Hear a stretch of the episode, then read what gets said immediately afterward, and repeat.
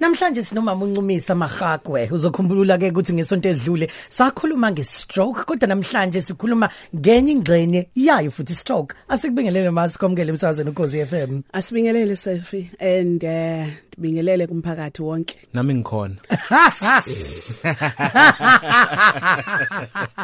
Namhlanje sikhuluma ngayiphi ingxenye yestroke yini lesikhuluma ngayo ngestroke namhlanje Namhlanje sizokhuluma ngendlela yo usizo, usizo olutholayo esibhedlele ma une stroke. Okay Yes. Okokuqala bukhumbula kahle emphulaphuli eh sikhulumile ngokuthi usowungenile ke esibhedlele usowubonakala ngazo zonke impawu ukuthi une stroke. Yini into yokuqala ofike ulis- ulifumane esibhedlele. Kwisibhedlele uyuthole onke ama health professional but abona abantu manje esebekufanele baso medical stable badile nawe ngama therapist manikhuluma ngama therapist ke nikhuluma ngo occupational therapist physiotherapist speech therapist audiologist nikhuluma nayo ne psychologist ne dietitian laba bantu yibona ke abazoqala u rehabilitation wakho ngoba i reason yokuthi each and every therapist une piece kuleko kokuphila kwakho koku- kokuthi kukusize u- u- u- usizakale. Eh i'm i'm gonna ngizokhuluma ngo occupational therapist because i'm an occupational therapist. What we do uma ufika une stroke awu- i- i- ihlangothi lakho maybe la ka right la ka left alisebenzi. Mina njengo occupational therapist kufuneke ngikufundise kuqala ukuthi usukuma kanjani embedeni eh uhlala kanjani uma usidla udla kanjani. All those exercises ziyakusiza ukuthi leli hlangothi belingasebenzi lithunyakaza kancane. Okwesibini ngikunike ama exercises azosiza lesi sandla sakho ukuthi singagogoba singabi spastic kakhulu sikwazi ukuthi sithi sithunyakaza kancane.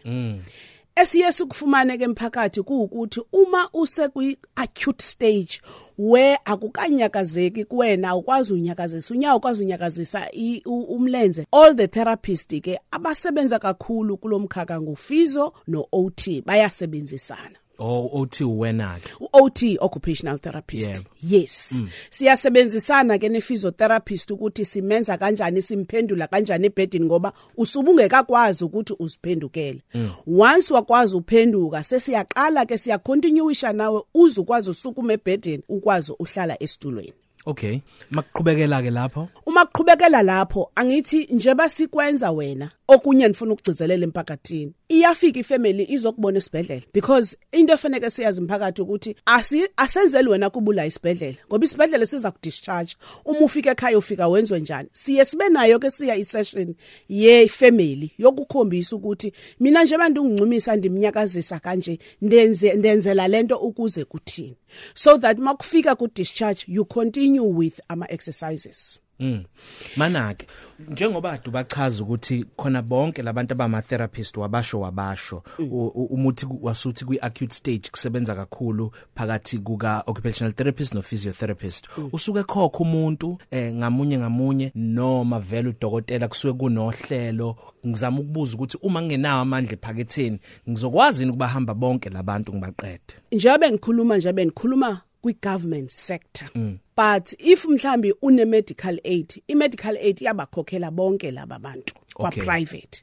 But into ozo ofanele umphakathi ay ay a- e- engacushisa ngayo kuukuthi mina ngiye ngithi ngoba i-medical aid izophela. Asingazibalikeli izibhedlele zakahulumeni because khona ku free kanti kwi medical aid you will find out ukuthi uzobona i-occupational therapist ama session awu4 ipheli medical aid. medical aid. manje awusafuna uphindela uye engwelezane uyobonwa usowuhlala endlini and that is where ke uzenza worse kwa disability ngiyacabanga ukuthi futhi khona into eyenzayo emqondweni wakhe emva kwalokho ukuthi mhlawumbe manje athi usuhamba i-private hospital Yes. and then masuyajika manje usuhamba isibhedlela saselokhuzaneni Sase- segovernment umuntu Yes, segovernment yes, eh eh, ngiyacabanga khona into- into eyenzayo emqondweni kuba uvele ukuvele ugula vele Yes. naye into estroke ngoba sikhuluma indaba yestroke ukuthi vele isuke ekhanda ngithi Yes, yes. so I- I- i'm sure kuba khona nje la ethikamiza khona futhi of course bakhona because uba stressed ukuthi ungibuyisela lapho ningafuna uya khona.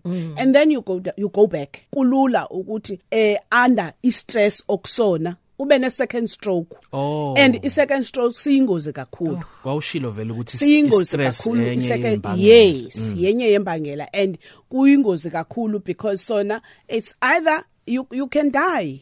Ku second stroke. And kunganzima ukuthi uphinde ufumane some functioning ukwazi uzenzela ezinye izinto ubuso ukwazi uzenzela kwesoqala So iqhubha ngesonto elizayo sinoma mncumisa Mahakwe ioccupational therapist. Uzobuya futhi ngesonto elizayo sixoxe naye. Masibonge kakhulu. Siyabonga kakhulu siya thanks.